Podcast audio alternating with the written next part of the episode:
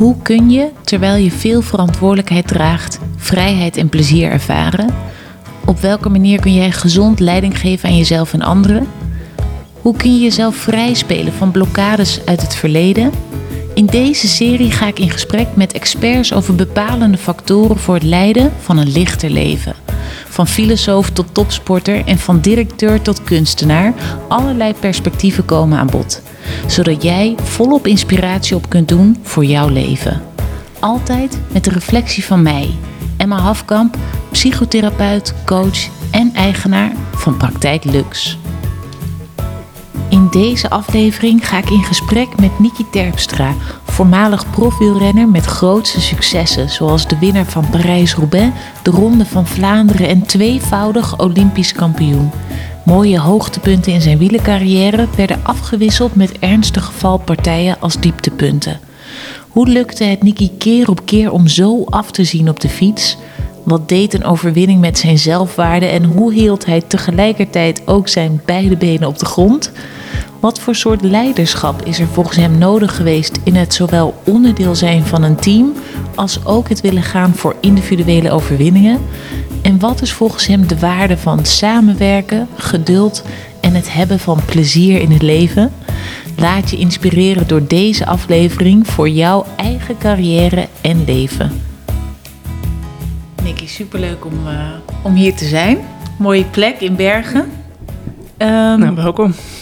Dankjewel. Misschien om allereerst eens te beginnen, hoe is het met je? Je bent net gevallen, je zit hier in het gips, wat een beetje voordelig voor mij was, want daardoor was er tijd en ruimte ja, voor ik had opeens wat tijd om handen. Ja. Maar hoe gaat het? Het gaat wel uh, oké. Ja, het is uh, zonde. Uh, ik heb twee weken terug zou ik het EK gravel fietsen. de dag ervoor ging ik het parcours kennen. Toen gleek onderuit en toen brak ik het middenhandsbeentje van mijn duim. Uh, moest meteen geopereerd worden in België. Uh, dat is allemaal goed gegaan. Er zitten nu pinnen in mijn hand. Uh, gips eromheen. En ja, ik heb er weinig last van. Ik heb geen pijn of zo. Alleen het is vervelend dat er gips eromheen zit. En het wereldkampioenschap gravel was afgelopen zondag. Ja die Chacokra, ja, nou ja, dat ging niet door. En ik zou eigenlijk uh, vandaag vertrekken naar Amerika voor ook nog twee andere wedstrijden. Dus het was eigenlijk een druk uh, programma uh, wat allemaal niet doorging. En dat is wel erg jammer. Ja, ja, ja. want misschien kunnen we daar dan eens gelijk op ingaan van... nee, dat is best wel een tegenslag. Hè? Allerlei dingen die je dan gepland hebt, kunnen dan niet doorgaan. Hoe, ehm, hoe ga je daarmee om? nou ja, het is balen.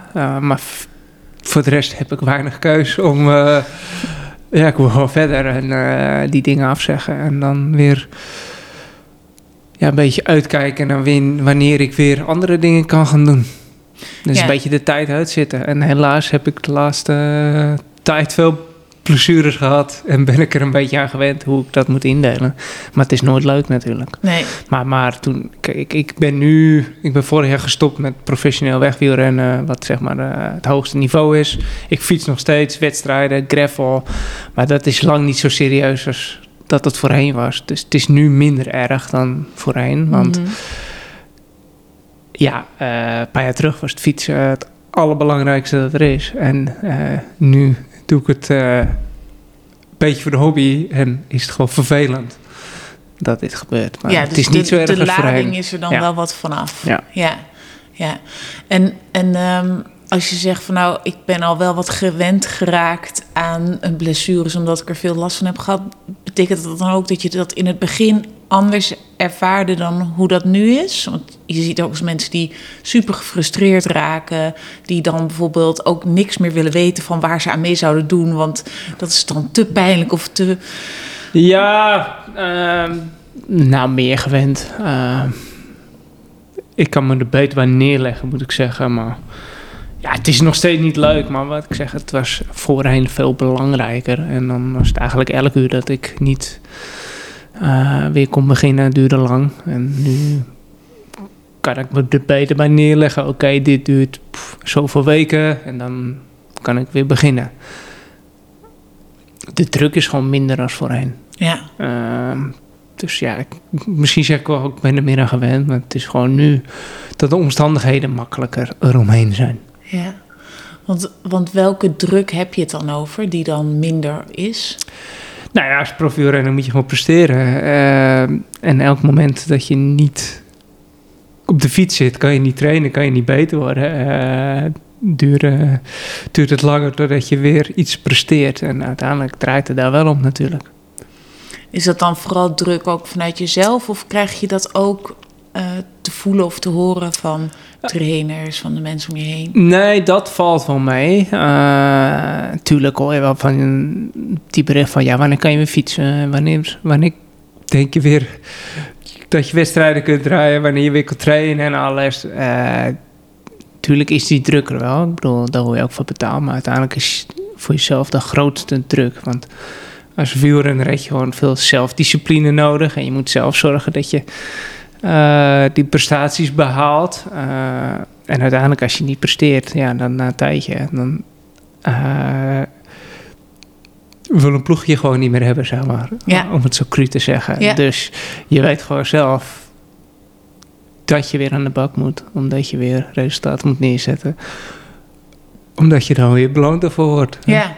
ja, dus wat dat betreft, ik heb vaak veel ondernemers als klanten ook en, en spreek die ook vaak. Is, is dat ook best wel vergelijkbaar? Helemaal niet in de vorm van het fysieke presteren en lijden ook, denk ik, hè, wat je erin stopt. Maar wel dat, ja, wat je erin stopt, dat krijg je er alleen uit. Dus als je als ondernemer niet um, netwerk, niet je marketing doet, niet je sales doet, ga je ook niks verkopen. Ja. Als je niet genoeg traint, ga je ook niet je prestaties halen. Dus waar jouw salaris dan ook weer van afhangt, of je toekomst of je carrière. Ja, eigenlijk wel, ja. Ja, want um, voor de mensen die echt helemaal uh, niks afweten van uh, weg wil rennen en, en, en de, de, nou ja, het, het leven van een profielrenner, kan je daar eens een beeld van schetsen? Um, hoe je allereerst daarin bent gerold en ook hoe die carrière voor jou is geweest? Um, ik ben begonnen met wielrennen toen ik acht was. Dus uh, erg vroeg, omdat ik gewoon fietsen heel erg leuk vond. Uh, ik deed een beetje aan voetbal. Uh, vond het een leuk spelletje, maar ik was er nou niet helemaal kapot van of zo. Um, ik zat op de voetbalclub en eigenlijk toen ik fietste, elke keer als ik op de fiets zat, wilde ik zo snel mogelijk fietsen. Want dat vond ik gewoon tof. Uh, zo hard mogelijk naar school toe. Ik uh, daagde vriendjes uit om op de parkeerplaats wedstrijdjes te doen. En ik vond het gewoon tof dat je zoveel snelheid kon maken met je eigen benen op een fiets. En dat competitief, hè, zat dat er dus echt al gelijk in jou? Merkte je dat ook op andere gebieden? Of was dat bijvoorbeeld echt specifiek alleen bij het eh, fietsen? ja, nog, vooral met fietsen denk ik hoor. Ik, hmm. Met voetbal was ik niet zo heel fanatiek. Uh, misschien omdat ik wist dat, het, dat ik wel fanatiek was samen, dat, dat ik er toch niet zo goed in was. Ik weet het niet. Uh, maar met het fietsen, ja, dan wil ik, ik wilde dus zo snel mogelijk fietsen. En natuurlijk harder dan de andere jongens. Ja. En en toen zag ik wielrennen op tv. Toen zei ik me, dat, dat lijkt me wel tof om dat eens, uh, eens een keer te proberen. Nou ja, zo gingen we naar de, de plaatselijke uh, wielerclub, TTS Zaandam. en die hebben daar een afgezet wielerparcours.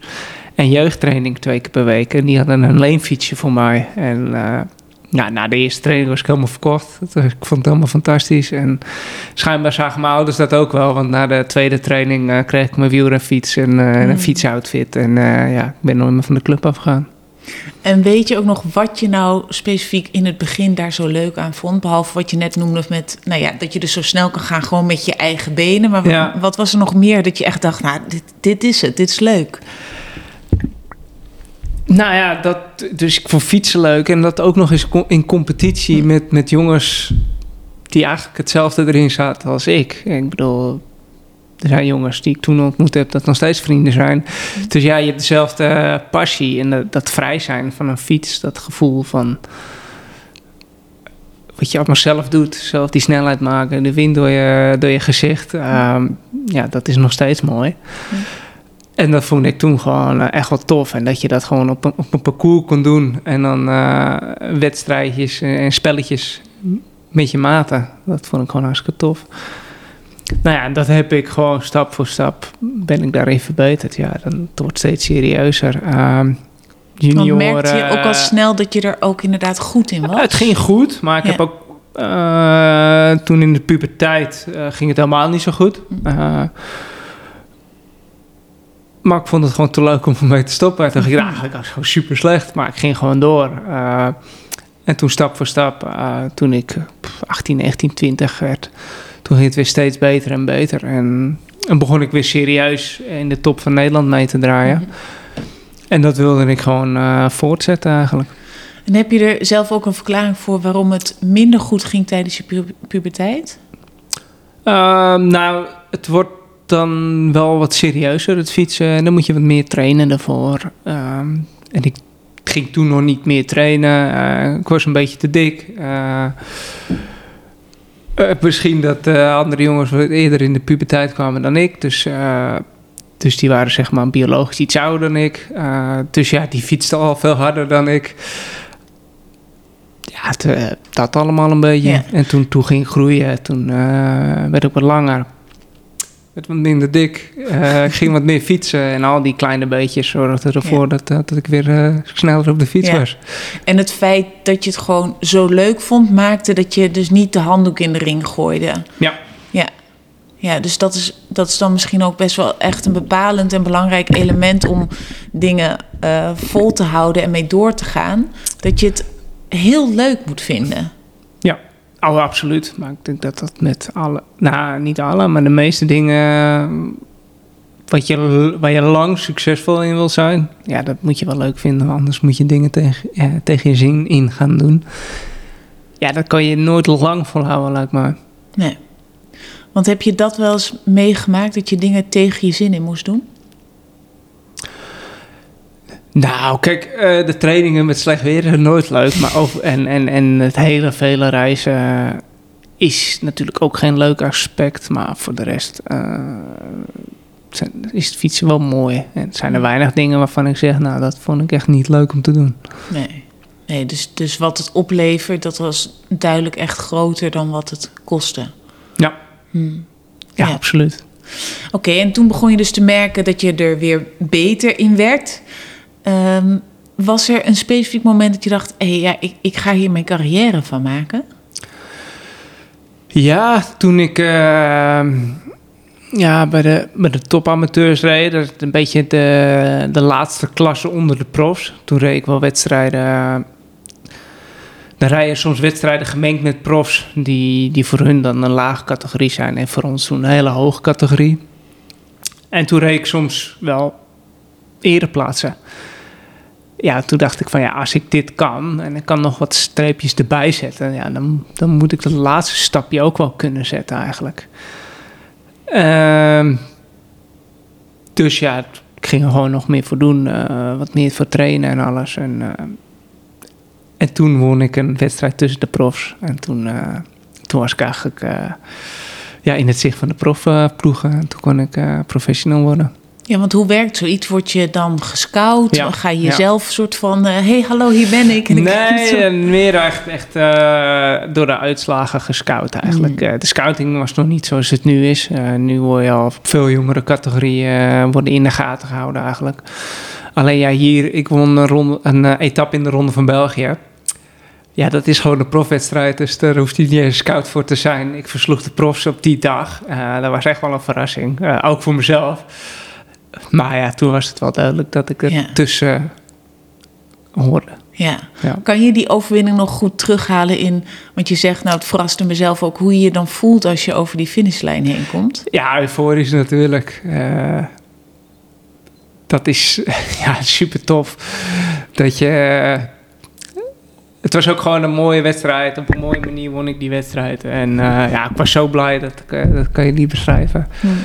En eh, natuurlijk ook mijn ploeg en alles. Dat, dat is gewoon een amateurploeg die een uitnodiging kreeg voor de Ronde van België. En dan wonnen we etappen. Ja, dat is bizar.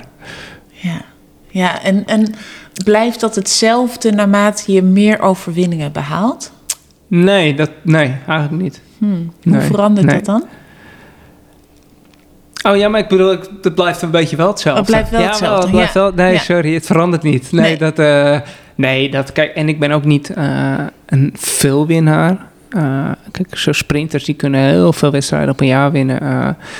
Ik ben een ander type renner daarvoor.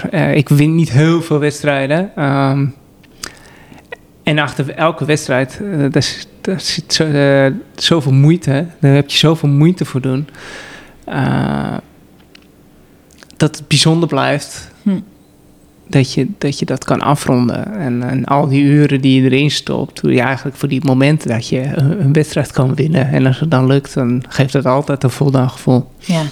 ja, je zegt ik ben een ander type rennen. Hoe zou je jezelf, wat voor type ben jij? Hoe zou je het omschrijven? Um, ja, hardrijder, diesel, klassieker specialist. Uh, ik ben niet explosief, dus uh, ik moet het echt van, uh, van het uithoudingsvermogen hebben. Ja.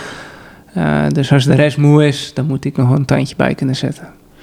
En wat maakt dat jij dat kan? Nog even los gewoon van het fysieke, maar er komt natuurlijk ook een heel mentaal aspect bij zitten. Dat je doorgaat als je lichaam misschien wel al tijden aan het roepen is: stop, ik heb geen zin meer of ik kan niet meer. En dan toch ga je door.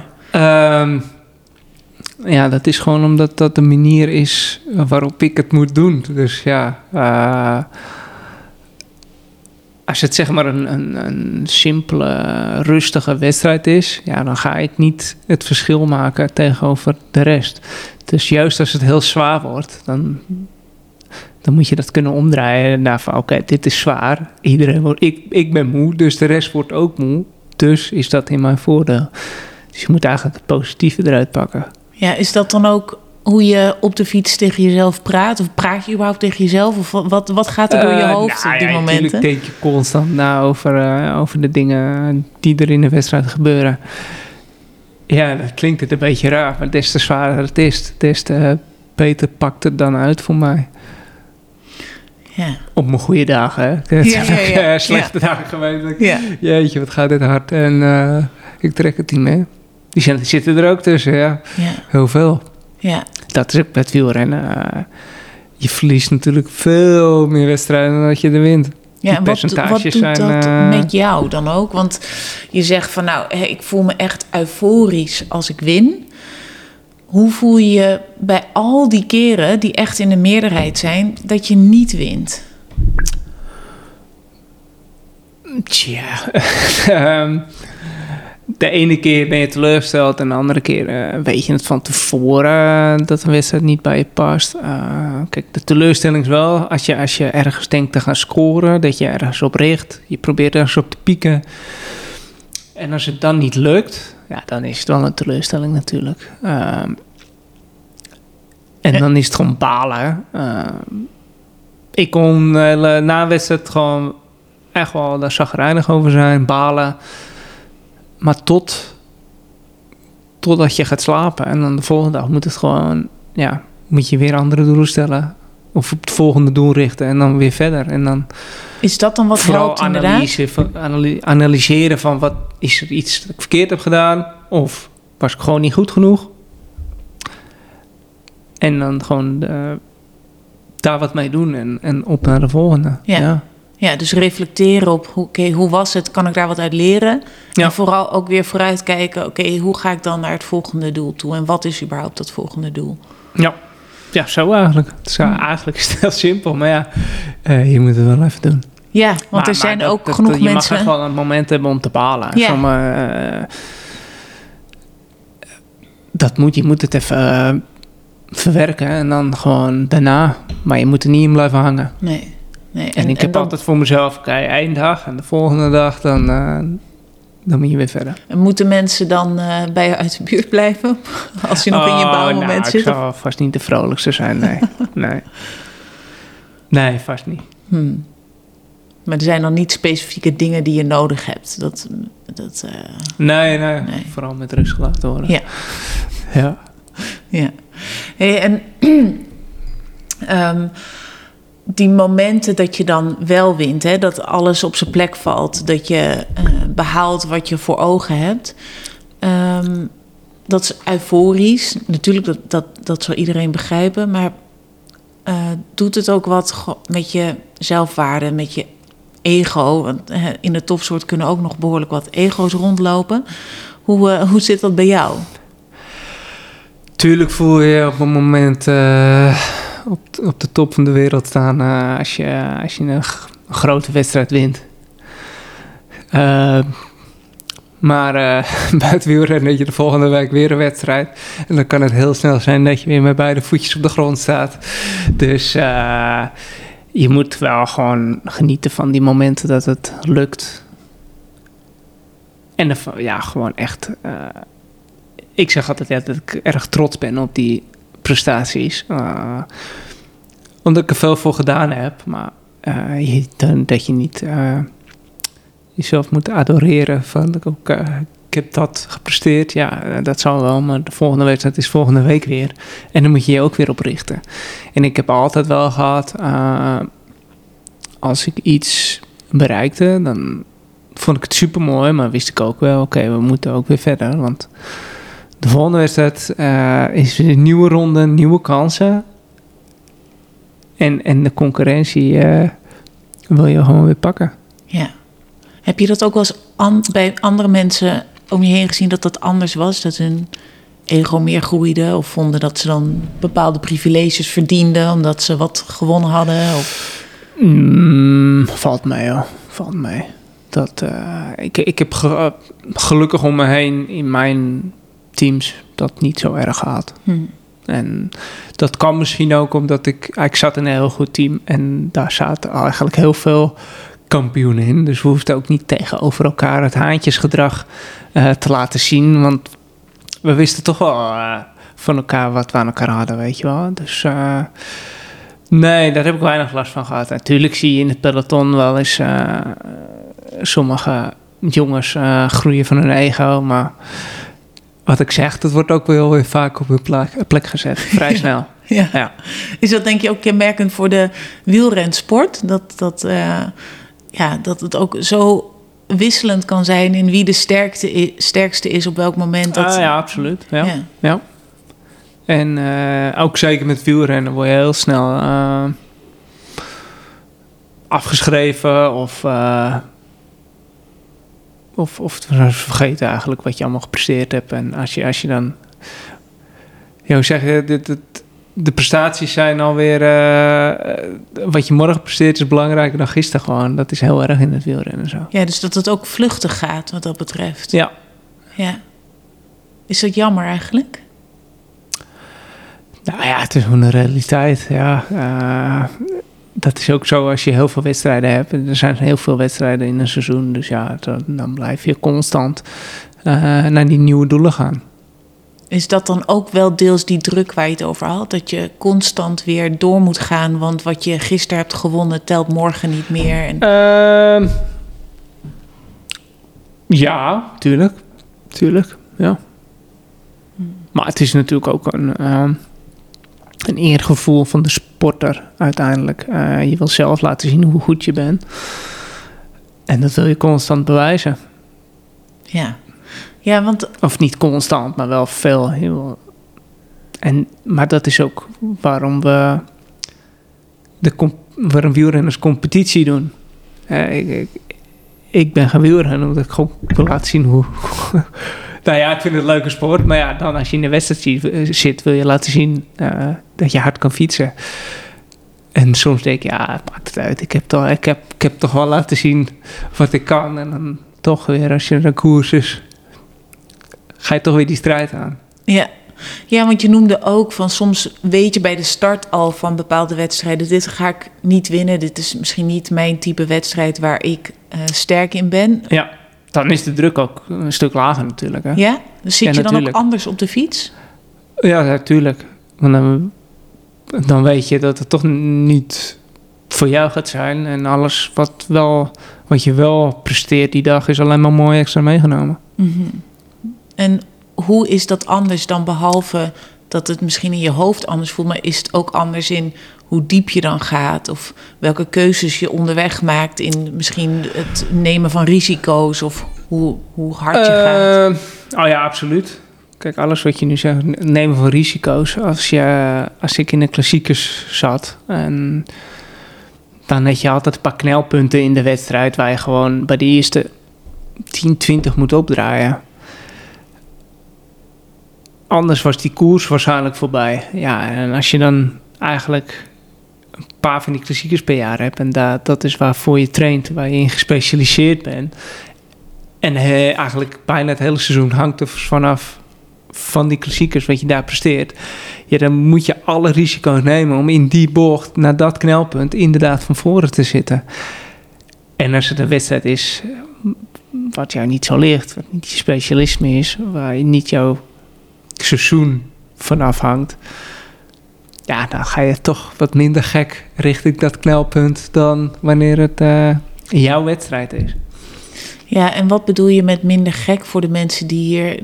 Nou ja, nou ja de minder risico's nemen eigenlijk. Ja, dus hoe ziet dat eruit? Um, nou, een peloton uh, is rond de 180 man.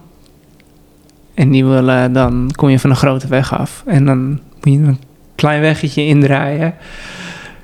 En al die 180 man willen vooraan zitten. Dus uh, ja, het is alsof je 180 balletjes in de kolenfles stopt en dan, dan omkeert. En dan moeten daar de eerste 10 balletjes uitvallen en daar moet je bij zitten. En dan moet je ervoor zorgen dat je bij zit. Ja, en wat zijn bepaalde tactieken die je gebruikt als je wel risico's neemt? Um, nee, je komt in het gedrang. Dus duwen, schouderduwen. Uh, vaak komen daar ook valpartijen bij ja, als je rustig van achteruit, dat je minder kans om in zo'n valpartij te zitten dan als je natuurlijk in die, in die geodriehoek zit van dat gedrang.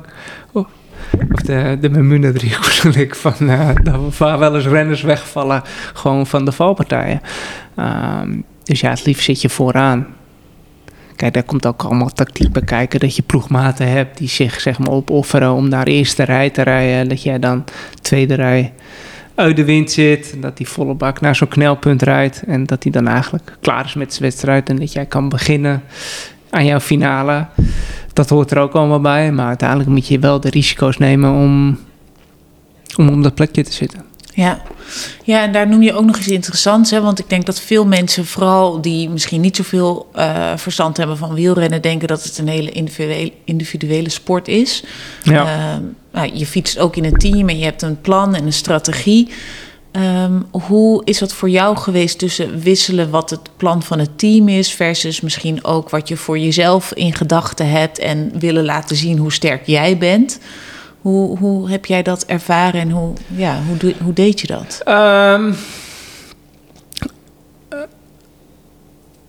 ik heb een groot deel van mijn carrière dus bij, uh, bij Quickstep gereden. Team Quickstep, dat was uh, specialistenploeg in de klassiekers. En daar zaten vaak meerdere renners in die een klassieker konden winnen. Dus ik wilde een klassieker winnen, maar ja, inderdaad ook wat ploegmaat.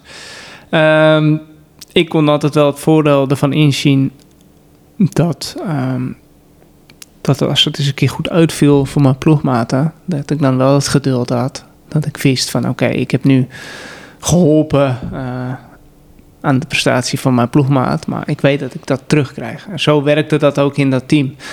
Uh, ik had er altijd het geduld voor en ik heb ook inderdaad uh, dat allemaal teruggekregen. De, wat, wat ploeg, wat ik voor ploegmaats heb gedaan, hebben zij ook voor mij gedaan. Ja, als je dat geduld niet hebt en, en uh, op sommige momenten iets te egoïstisch daarin staat, ja, dan kan het frustrerend zijn. Dan, dan denk je misschien, ja, uh, mijn ploegmaat die demereerde en ik mocht er niet achteraan en nu heeft hij gewoon en ik niet.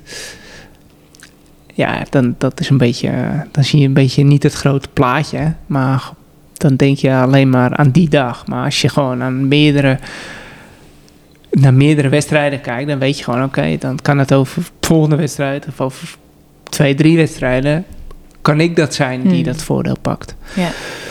En juist als je goed samenwerkt, dan denk ik um, dat je daar echt veel meer aan hebt dan, dan een, een ploeg die alleen maar rond één kopman is gebouwd. Maar als je een ploeg hebt met meerdere jongens die het af kunnen maken, dan kan je ook veel meer dat teamtactiek tactiek uitspelen. Maar ja, dan moet je wel een groep hebben die, die het elkaar gunt en, en dat ook begrijpt. Ja. En, en geluk, ik heb echt het geluk gehad dat ik een paar jaar in, in een groep jongens heb gezeten die dat spelletje goed in de gaten hadden. Hmm. En, en als er eentje tussen zat die dat niet helemaal... die daar niet in paste, dan bleef die ook niet lang bij de ploeg. Hmm. En dus je eigenlijk zeg je van nou ja, als het gaat over een goede samenwerking, dan kom je eh, langer en verder mee met overwinningen en prestaties. Ja. Als individu, maar zeker ook als ploeg of als team. Wat, wat voor mensen zijn dan volgens jou nodig om zo'n goede samenwerking tot stand te brengen? Ehm,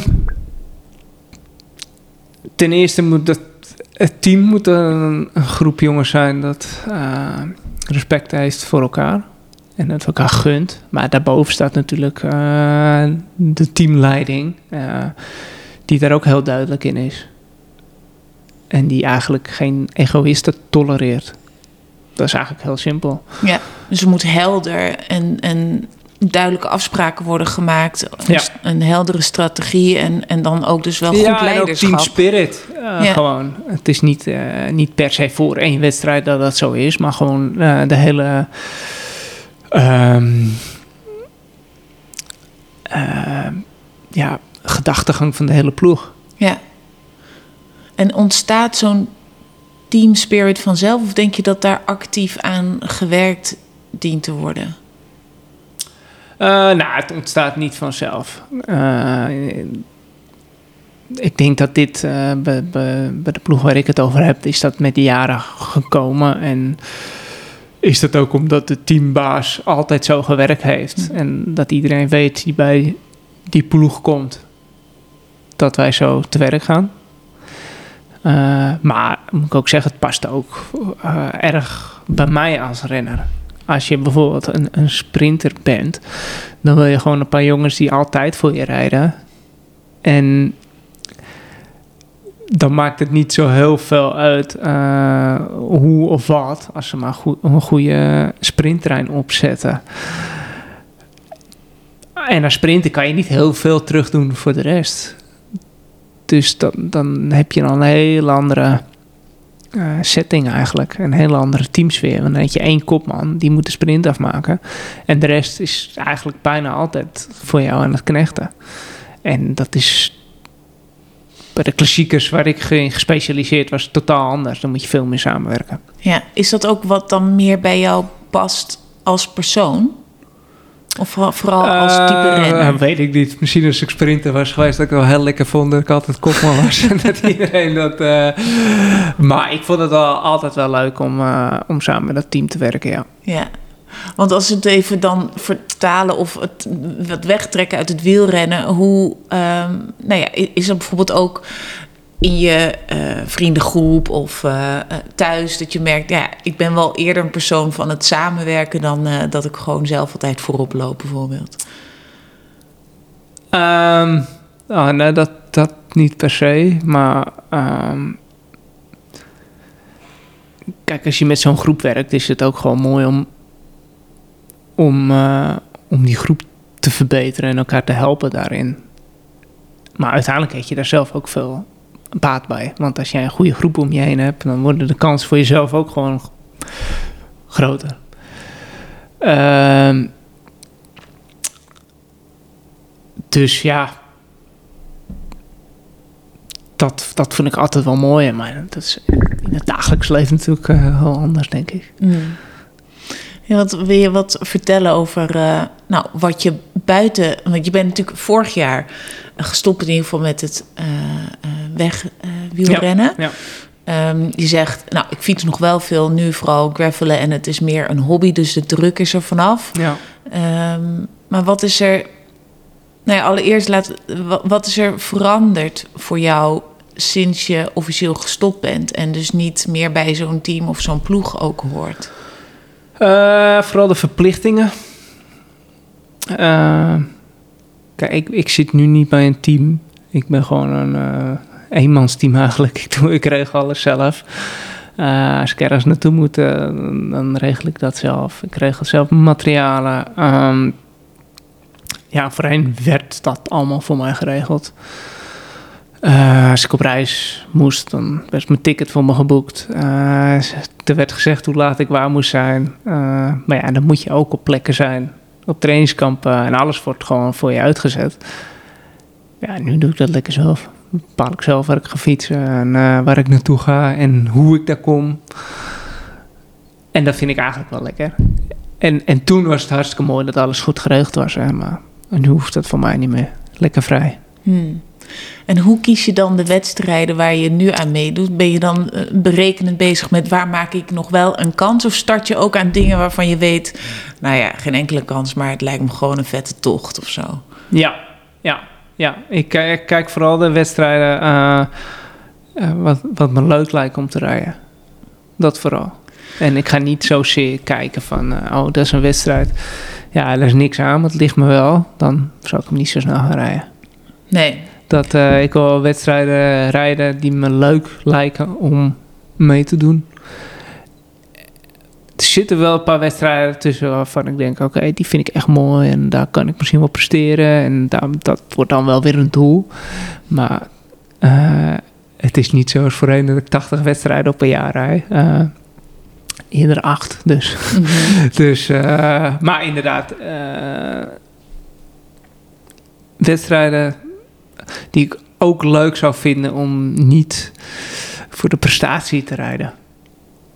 Wat ik nu nog wel doe, maar nu over een paar jaar dat ik het echt als toetocht uh, rij, zeg maar. Maar ja. dat is ook een gravelwedstrijd, is, dat zijn off-road wedstrijden. Ja.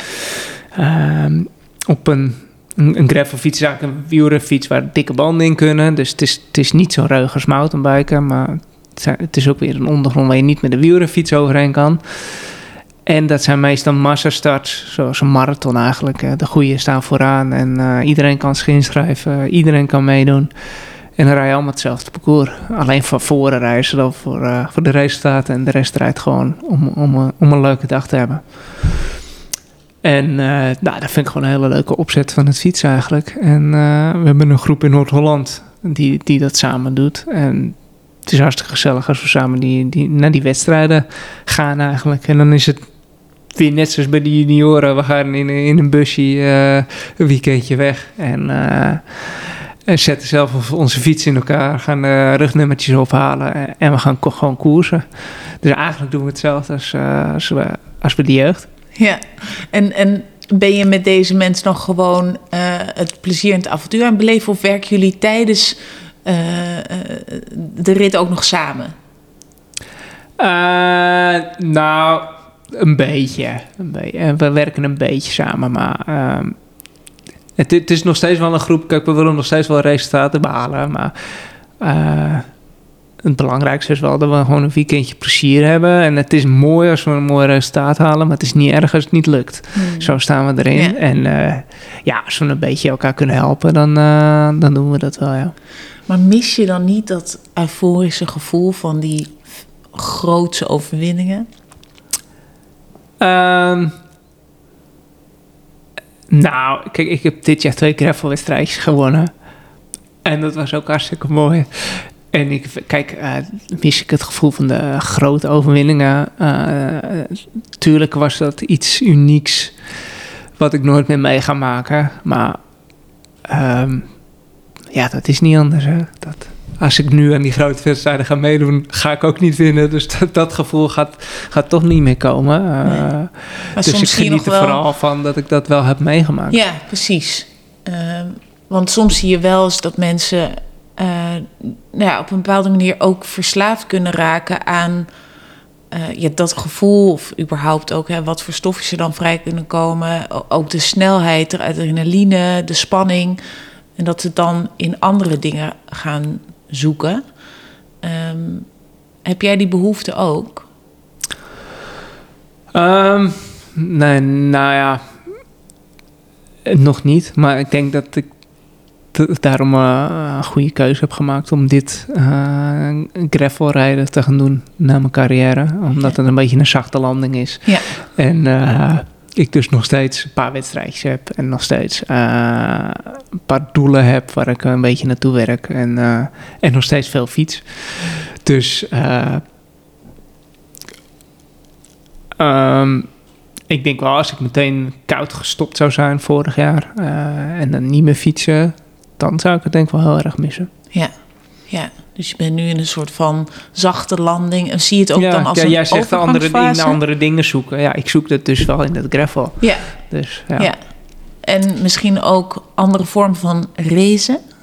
Ja, nou ja, ik, eh, ik ben natuurlijk eh, hobby autoracer. Eh, dat probeer ik nu ik iets meer tijd daarvoor heb, iets meer uit te breiden. Maar ja, dat, dat is ook een ding waar ik wel de kick in zoek. En wat ik onwijs gaaf vind om te doen. Ja, Dus ja, dat is ook een uitlaatklep. Ja, ja. Ja, en, en ben je nu dan... Want je zegt, nou, het kost minder tijd. Ik ben ook minder wel aan het fietsen. Betekent dat dat de rest van de tijd dan nu ingevuld wordt met het autoracen? Of, of is er ook nog gewoon echt... Ben je nu ook nog echt hele andere dingen aan het exploreren? Of in ieder geval in je gedachten bezig met... Ja, wat, wat wil ik nog ook verder? Eh, tuurlijk. Maar dat is nog een beetje, eh, een beetje zoeken. Ehm, maar het is ook gewoon lekkerder dat ik wat meer thuis ben voor de normale dagelijkse dingetjes. En dat is nog niet heel veel hoor. Mevrouw eh, zal waarschijnlijk uitleggen, eh, mij uitleggen als je dit nu hoort. Dat ik veel doe, maar het is al veel meer dan voorheen. Uh, het was gewoon echt, uh, ja, wakker worden, klaarmaken om te trainen, lang trainen. En na de training lag ik meestal voor pampers op, bank, op de bank. En, uh, en nu doe ik, na dat fietsen doe ik wel wat meer met, uh, met de kinderen, met het huishouden, met zulke dingetjes. Terwijl dat, voorheen deed ik echt helemaal niks. Hmm. En wat betekent dat voor jou, dat je daar nu meer tijd aan besteedt? Ah, het is iets normaler en wat fijner. En uh, het draait niet allemaal meer om het fietsen. Terwijl het was... Uh, in dit huis draaide het alleen maar om het fietsen. En dat is nu uh, wat minder. Ietsjes minder. ja. ja, kijk, ik heb het natuurlijk wel al mijn hele leven gedaan. Dus het zit nog steeds gewoon in mijn systeem. Ja. alleen het is gewoon een stuk minder belangrijk. Ja. En, en opent dat dan al deuren naar nieuwe verlangens of nieuwe dromen? Of is dat nog te vroeg? Nee, nog zoekende. Hm. Kan ik nog niet uh, specifiek uh, dingen over zeggen. Nee. En zoekende betekent dat dat je actief aan het zoeken bent? Of dat je gewoon nee, denkt, nee, nou, nee, gewoon wel. zo van mezelf. Wat, wat uh, zou me het beste liggen? Ja. ja. ja. Kijk, ik wil niet niks doen. Ik wil wel best wel wat ondernemend gaan doen, maar ik, ik, ik, weet nog niet exact wat. Hmm. En, en is het ook prima nog dat je dat niet weet? Ja, gelukkig wel. Ja. ja. ja. Leuk, dus Maar dat, jaar... het komt wel allemaal. Ja, ja. Ik, ik, ik ja. heb er geen uh, tijd. Ik plak er geen tijdstippen op. Nee, je bent ook niet onrustig erover dat je het nog niet precies weet. Want dat kunnen mensen ook wel eens ervaren. Dat ze Ja, niet ja, weten dat dat onrustig maakt. Nee, uh, er zijn genoeg. Uh, ik weet dat er genoeg opties is. Alleen ik moet gewoon even duidelijk kiezen wat dat wordt. Mhm. Maar daar ben ik nu niet heel onrustig over. Nee. Nee, nee. Nee, dus is Want heel... ik, gewoon, uh, ik heb het druk met mijn hobby. ja. En het wordt nog gewoon... Uh, het kan dus eigenlijk nog alle kanten uitgaan... als we elkaar volgend jaar bij wijze van spreken uh, weer spreken... waar, ja, waar ja, je dan ja, staat, wat je dan doet. Ja, nou, ik wil sowieso dit, uh, de gravelen nog wel twee jaar doen. Maar wat ik daarnaast ga doen, dat uh, weet ik dan nog niet exact. Hmm. Nou, mooi. Mooie ontdekkingstocht ligt er ja, nog absoluut, voor je in ja. het vooruitschiet. Mooi. Dankjewel voor dit gesprek. Graag gedaan. Ik hoop dat je genoten hebt van de aflevering en dat je geïnspireerd bent geraakt. Wil je geen enkele aflevering missen? Abonneer je dan op de Lichter Leven podcast door op de knop volgen of abonneer te klikken. Ook zou ik het ontzettend waarderen als je een review achter wil laten in de app waarmee je deze aflevering hebt geluisterd. Of deel bijvoorbeeld deze aflevering met iemand uit jouw netwerk die hier ook van kan profiteren. En heb je behoefte dat ik met je meekijk naar hoe jij zelf een lichter leven kunt gaan leiden? Bekijk dan mijn aanbod op de website praktijk-lux.nl. Deze link kan je ook in de show notes vinden. Of contact met mij op LinkedIn en Instagram. Ik kijk er naar uit om je te ontmoeten.